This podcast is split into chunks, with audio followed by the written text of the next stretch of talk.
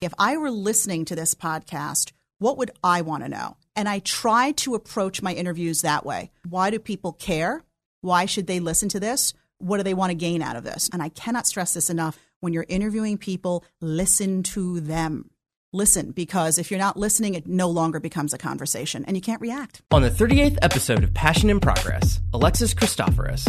Alexis is a New York based anchor and reporter for Yahoo Finance. She's an award winning network television and radio journalist whose career has also spanned on air roles at CBS News and Bloomberg. Because of her vast experience being in front of the camera and in front of the microphone, we delve into such topics as how to conduct an interview and what to think about from the audience perspective when creating content. Speaking of creating content, this podcast is supported by viewers and listeners like you on Patreon. That's www.patreon.com forward slash Javier Mercedes. If you're digging this content and you would like to share out the podcast, you can tag me at Javier Mercedes X. That's J A V I E R Mercedes X on all the social platforms. And one last thing, if you're consuming this on iTunes, if you could leave me a review on the iTunes app, that helps me with feedback on how I'm doing with the podcast, and it also helps with the algorithm in spreading the word on the Passion in Progress show. With that in mind, let's get into the 38th episode of Passion in Progress with news anchor for Yahoo Finance, Alexis Christoforous. What is up, Merce Nation? Javier Mercedes here for yet again another Passion in Progress show where we talk to inspiring individuals and hopefully through hearing their inspiring stories, you too are motivated to go out and pursue your passions. We are here with news anchor for Yahoo Finance, Alexis Christoforous. How are you today? I am great. I love your energy, though. I, I have to say, it is it's contagious. It is Mhm. contagious, Javier. Also with Yahoo Finance, you do Yahoo Finance Presents. And I have to say, that is one of the best podcasts sounding wise. Like the audio on your, your podcast is amazing. Oh, thank you. I will Yeah. let our engineers know. They'll be very happy. Especially if you guys want to just, uh, if, if you were to turn off this podcast and what, go over to her podcast, I wouldn't be distraught. Well, thanks for promoting my podcast on your podcast. I appreciate it. Can you give the audience an idea of what you do day to day here? I do uh, the morning show here. I anchor the morning show. It's called The First Trade, and it uh, airs from 9 to 10 a.m. Eastern Time. And so we're here uh, in Manhattan on the Lower East Side. I get in at around 6 a.m. We have a news meeting at 6:30. We all sit down and talk about what the stories uh, of the day are going to be, the top stories, who, which reporter is on which story. I should mention that we are a stock market driven show, so a lot of it is about what's happening before the opening bell, what companies are making news, um, what should you be looking out for in the day ahead. And uh, then I start to write scripts. I, I write as well as other people on the show, or I'll copy edit some of the scripts. And at about 7.30, head on down to makeup because you can't live without that. and um, while I'm in the makeup chair, the makeup artist can attest, I'm, you know, like doing this with the computer in, in on my lap and, you know, as they're trying to make up my my eyes, I'm like, wait a minute, I gotta make that last, you know, edit. You know, we're working right up until changes are happening. News is breaking in the morning, so we have to constantly be updating uh, the script, and then um, head into the studio at about eight thirty. Get mic'd up, make sure everybody is good to go. The control room's good to go, and then we go up live at nine a.m. and it is a action packed one hour of news. We've got lots of guests. We cover lots of different topics. So I have to be read in on the news, not just uh, business news, but just world events, because so many of these things bleed over into business, like the government shutdown, like the trade war with China, um, you name it. So uh, much of my day is reading lots of different sources so that I can be up on the news even well after I leave work. I mean, I'm in bed reading just before uh, shutting the lights off uh, to always thinking about the day ahead. When the show is over, um, usually grab a snack because by that point I am voraciously hungry. Work on the next day's show, maybe write up some articles on things that were in the show that day. Go out on a shoot if we have a, uh, an outside shoot. And also have to make time for Yahoo Presents podcast, which is a weekly podcast. So I have guests throughout the week, not every day. And those are pre taped, they're not live. Mhm. Um, and then leave at about three o'clock uh, and then do it all again the next day. In a live show, can you, you were talking about the notes and everything. Can you go into exactly what you're looking for in preparation before you get on camera? And then while things are going live, like what you're keying into? Because when I see live shows, I really am in awe about how the, I guess the ap- aparté or the, the interaction between mm. the different anchors, and it's so like it is. fast. You, you really describe it well. I don't know if people don't appreciate it, but if you do it well, they're not going to notice. Wow, there you go. then they don't. Exactly right. It's seamless. And I think one of the biggest things I've learned doing this for many years is that you have to be in the moment. So when we're uh, in the live show and we have many guests, and we really do on this show, it is really important for me as the anchor to be zoned in and focused on what the person's saying. Because if I'm thinking about my next question and I'm not hearing them, I'm not really in the moment. I'm not interacting and reacting to what it is they're saying, and people at home are going to know that. So um, it's important for me to stay focused, but also, uh, I don't know if people. I think nowadays a lot of people do realize that news people have what's called a, an IFB in their in their ear. It's this little um, piece that um, earpiece that allows the control room to speak to the anchor and to let us know how much time we have or if we need to wrap up an interview or whatever it is they need to tell us. So you have you have that coming into your ear. So I've got to be listening to them and listening to the person in front of me. Oh my gosh. So there's a lot of multitasking. But I actually love it. You know, I just and it's high adrenaline and then when the hour is over you kind of go Mm-hmm. know. Dare I say you may be passionate about it? I am, I am. when you're in those kind of situations and you need to wrap up something, is there some kind of is there some kind of like word that or different kind of techniques that you use to pivot a conversation, or you're just like, and we're out of time, so we would love to have you back on the show, Right. so bye. I try not to do that. Um, I, I try to let the person finish their thought because, uh, you know, would, would uh, not want to cut somebody off. But usually uh, we'll say something like, you know, well, you know, we'll have to leave it there. Thanks so much for joining us. Or, um, you know, that's, that'll be for another conversation, another interview at another time, just to let people, even people listening acknowledge, I know what we're talking about is, is heady or needs more time. Unfortunately, we don't have that time right now, but there are ways to sort of finesse that.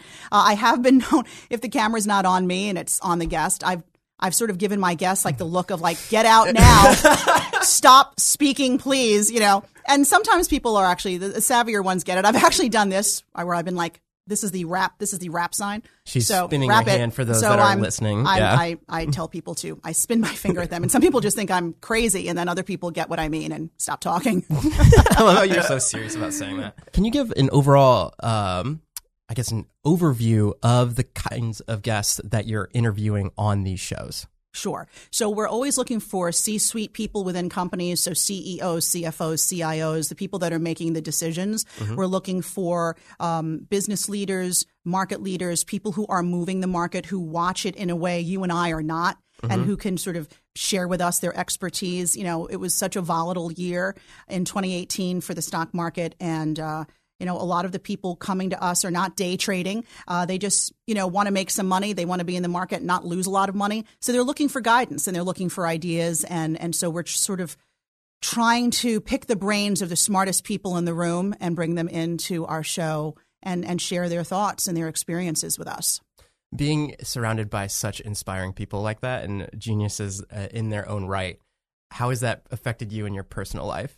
You know, it can be intimidating sometimes. It really is because I think as the anchor, you need to be a, a mini expert on a lot of different things. Then you have somebody coming in who, you know, is just is so read up on or knows so much about a particular subject. I feel like I am always learning, which is a huge reason why I love what I do so much because I feel like I am stimulated all the time. So having done this for years and meeting so many different people from so many different walks of life has really um, taught me so much.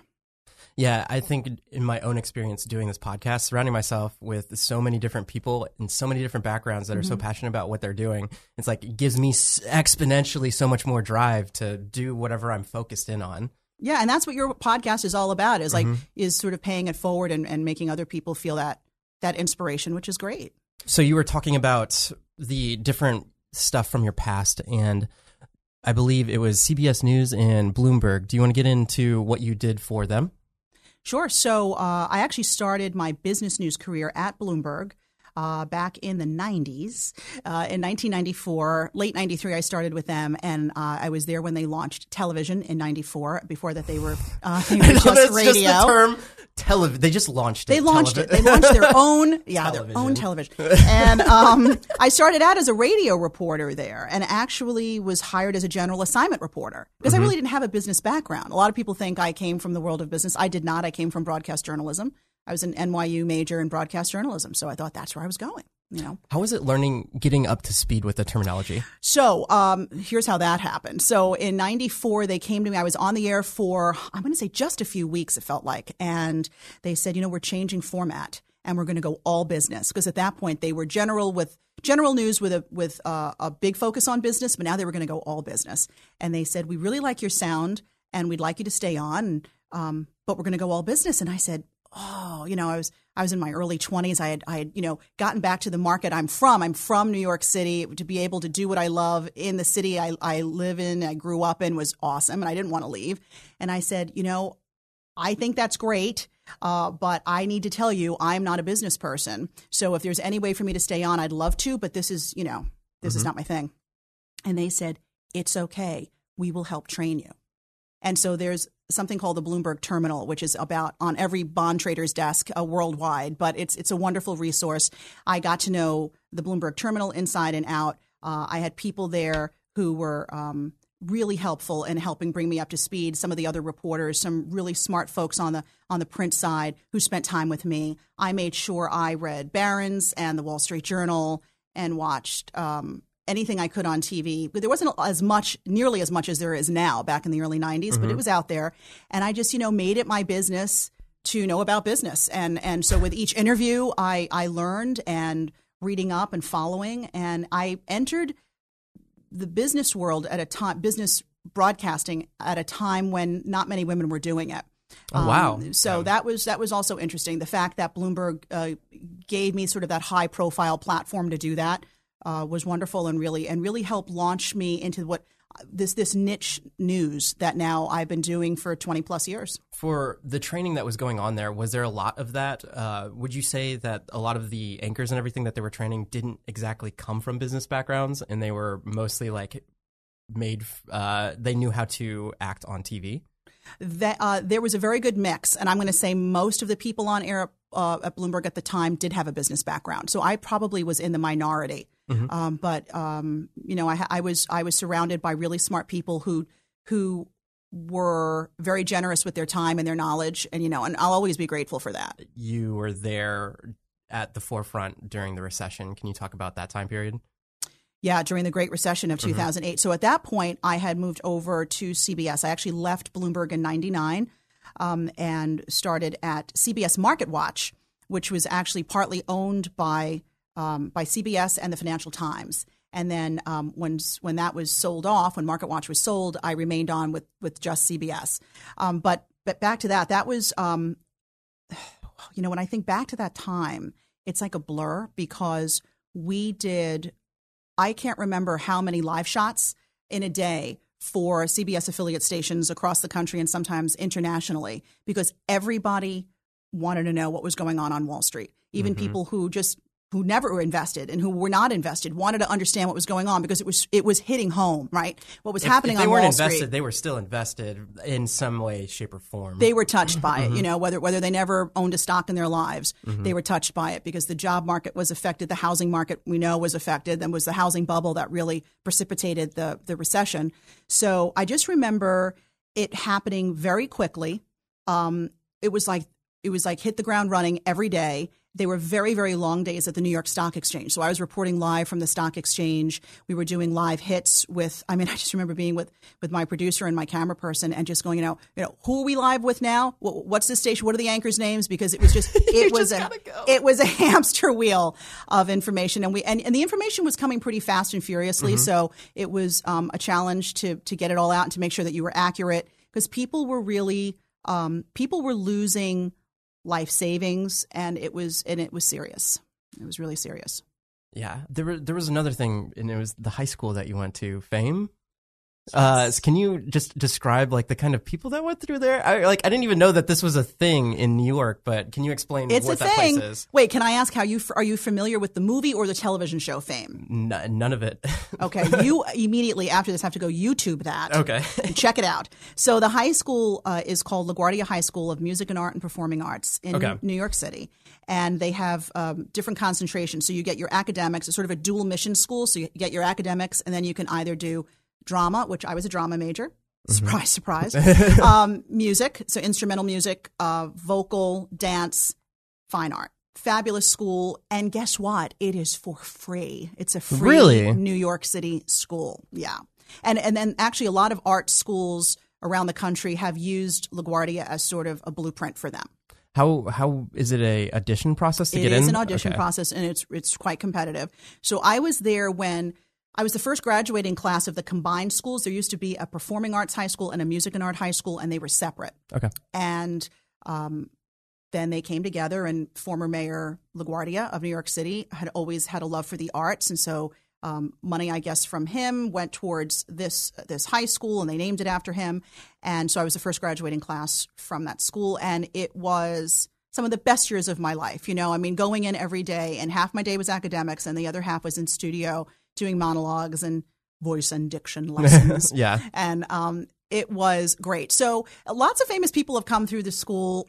Al Pacino, um, I, I saw it was like Jennifer Aniston, um, Robert De Niro, and um, Nicki Minaj. and like Wesley Snipes, I think too. Yeah. I'm not sure about that, but it could be. Very well could be. yeah, maybe. Um, so yeah, Jennifer Aniston was the year ahead of me. Awesome. Um, and I just remember she was popular even even back in high school, and she was actually working too. They back then they frowned upon you working while you were in school because you were supposed to be there to hone your craft, Javier. You know, Mm-hmm. uh, but she would get commercials and what have you every now and again. so you brought up the diction and everything, Right. And a lot of people that um, consume this podcast are like YouTubers and other things of that nature. So on-camera presence. If there were some tips that you could give for uh, just talking to a camera and getting good on camera, or even in this Mm-hmm. interaction, what would you say?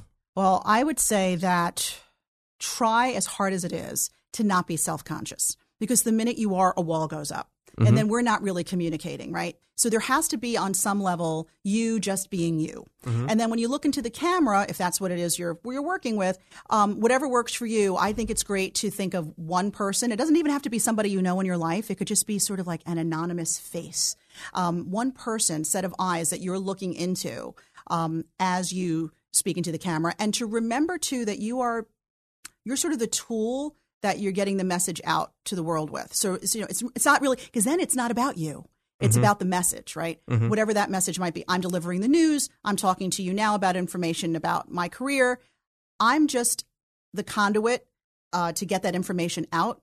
So once you think that, you go, okay, the star here is really the information, not so much how I say it and how I look. And I think that takes some pressure off. Mhm. And then it's the teleprompter for people who don't know. So that's when um, you might think all the anchors are really, really smart and have everything in their heads. But of course, we are reading 90% of what it is we're saying off of a monitor that um, has words scrolling. Somebody is, thank God they're there, in the control room scrolling uh, and keeping pace with us as we read. Have you ever ran into a situation where it stopped? Oh, oh, my friend, worse than that. I mean, you know, it stopped, it went completely black, it scrolled really fast. So, which is why being in the moment is so important. Because when that happens, you try to recover best you can.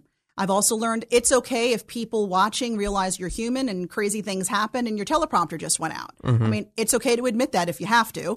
Um, but to be able to ad lib is really important in this industry because, you know, a lot of what you rely on might not be there. And you just might have to go off script, literally. And so, um, and if you have to get used to prompter, I would just say the more you do it, the better. Read copy out loud. Growing up, I used to um, read commercial copy, like when it would come up on the screen and there'd be like words during a commercial. I would say it. I was like 12 and I'd be sitting with my parents and I'd say it like I was the announcer. That's awesome. Yeah, like, you know, uh, I can't think of it, you know, this drug will help with diarrhea and, you know, whatever Your might be. inflection in your voice I was- even mimics what they're doing. I would do it. I would say that. And then um, my parents thought I was a little odd. I would stick myself in the in the bathroom with the with the TV guide. For those who remember actually having a TV guide, I'd sit in there and and read the TV guide out loud. Yes. Wow. It's an interesting childhood. or I would also do it looking into the mirror. The- But honestly, I know they sound a little crazy and you have to do what works for you. But if this is sort of the path you're looking to take, you have to know what you sound like, um, what works for you when you're speaking, uh, intonations and, and pacing is all really important. So you have to speak out loud, you know, and, and strong and proud and do it whenever you can. So if you have to lock yourself in your bathroom with a magazine and read that out loud, that's okay too.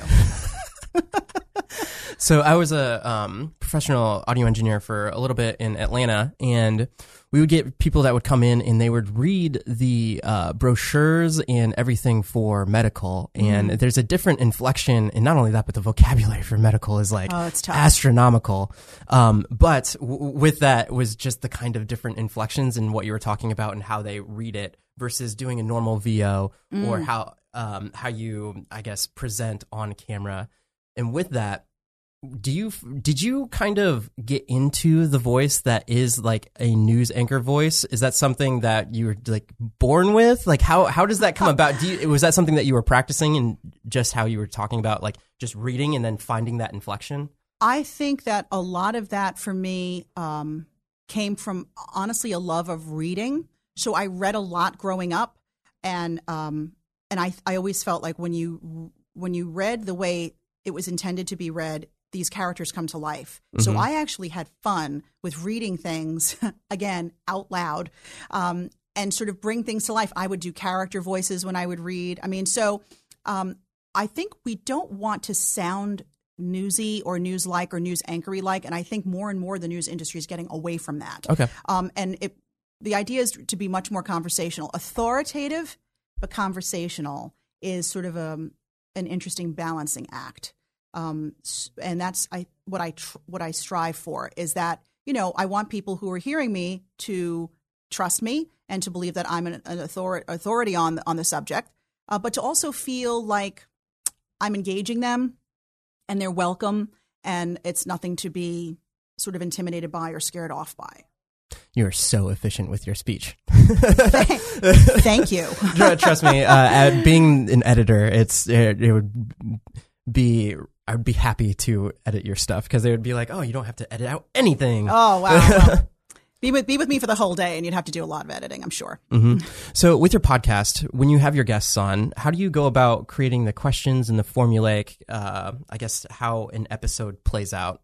So I don't really have a set time uh, for people. I feel like sometimes as things are going, if I feel like we've we've wrapped it up and there's not much more to say, I won't just keep going for the sake of time, which is the beauty of having a podcast where I control the time. Yeah. Right. Because Yeah. sometimes, you know, you really do have to stay with somebody for half an hour or whatever the case may be, and I don't have to do that. Um, beforehand, we always do. I don't do pre pre interviews all the time, but I do ask for information. So I'll say, "Do you have any notes? Do you have anything that you want me to read as I prep for the interview?" So that's the first thing I do is I get that information from people. I myself do whatever independent research I can on them, and then here's what I do. Anytime I come up with questions for an interview, whether it be for a podcast, video, whatever, Yeah. is I first and foremost, I'm a consumer of news and I know what what I like to hear or what I'm interested in. So I always flip it and I say, if I were listening to this podcast, what would I want to know? As putting on my my consumer of news hat, not my anchor hat. And I try to approach my interviews that way. Why why do people care?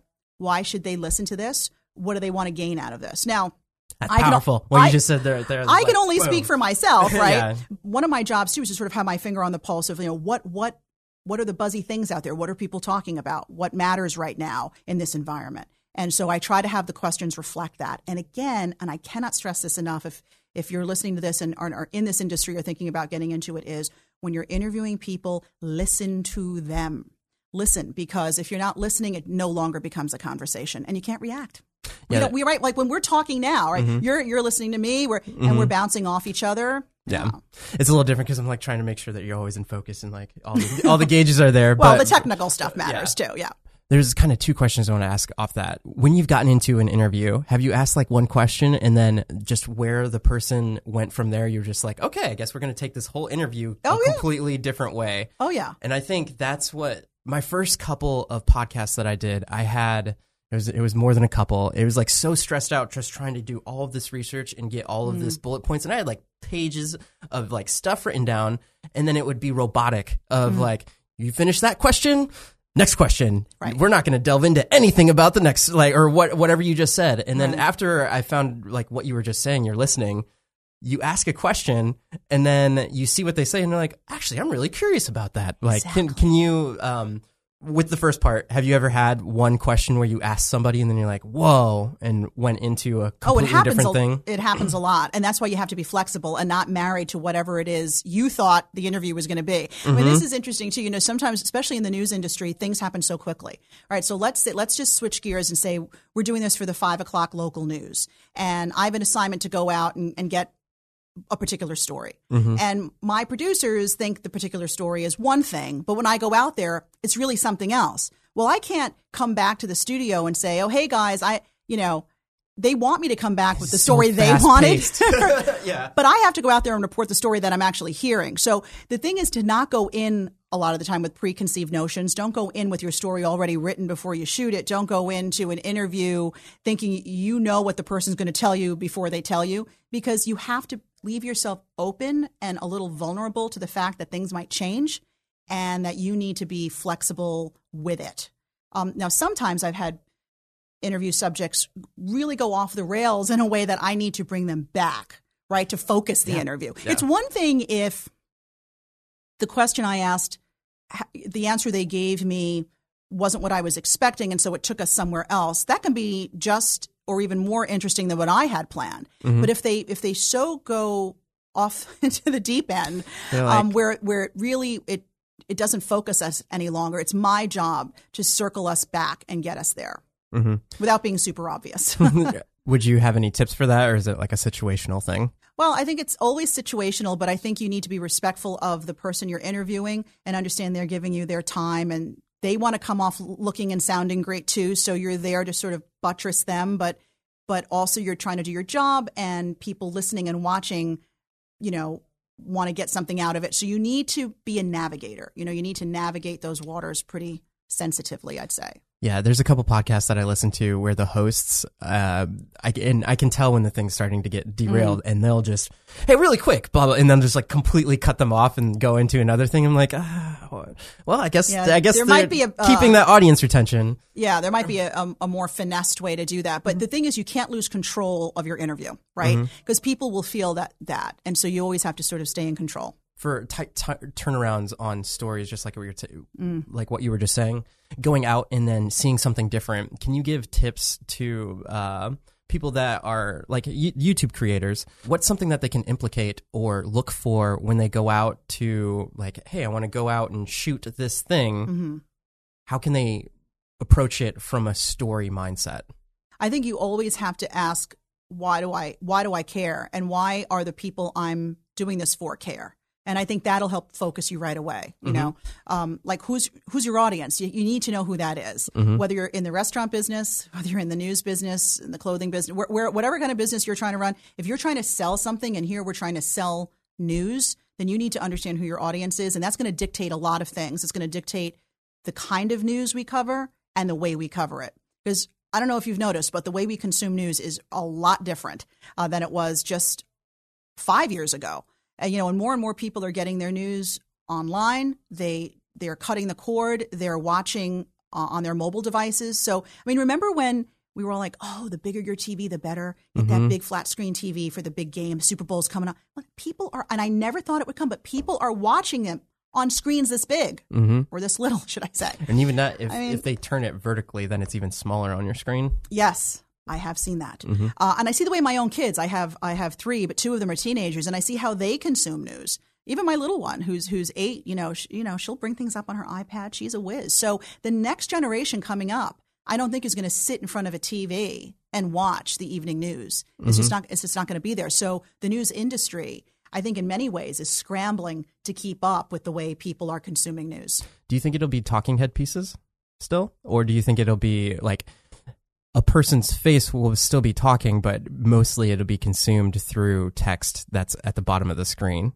I hope it's not. I really do because I think that having that personal touch is really important and having that personal perspective is important and it's a way for all of us to sort of stay connected and communicate effectively. So I think it's going to be a mix of that. Um, uh, especially on social media, where it's just that kind of stuff that you're talking about plays well. Slideshows, um, things with just text, because it's quick, it's digestible, and it's on the go. But I do think that people hang around for good content and and they hang around to listen to it and to watch it. We just look at some of the podcasts that are really popular too. I mean, they're not these little nuggets. I mean, people have to Yeah. they have to listen. I mean, whether they're driving or or you know working out or whatever it is they're doing, they're listening and they're committing time to it. And I don't think that's going to change. Well, I think that's the shift in the medium, though, where like if people are on the go, mostly now, I think podcasts are amazing and, and to consume your content that way. Not only that, but you build a relationship on a longer term um, basis because you you're talking about publishing to TV, Bloomberg in the '90s Right. to where you're at now in the internet medium. How have you seen that change progress through the years, and how have you adapted to it? Because you even brought up the example of podcasts in general. hmm Yeah. So I think, um, you know, having started at Bloomberg, it was even the way we presented business news. Um, as much as it's as it's the same, it, it's it is definitely different.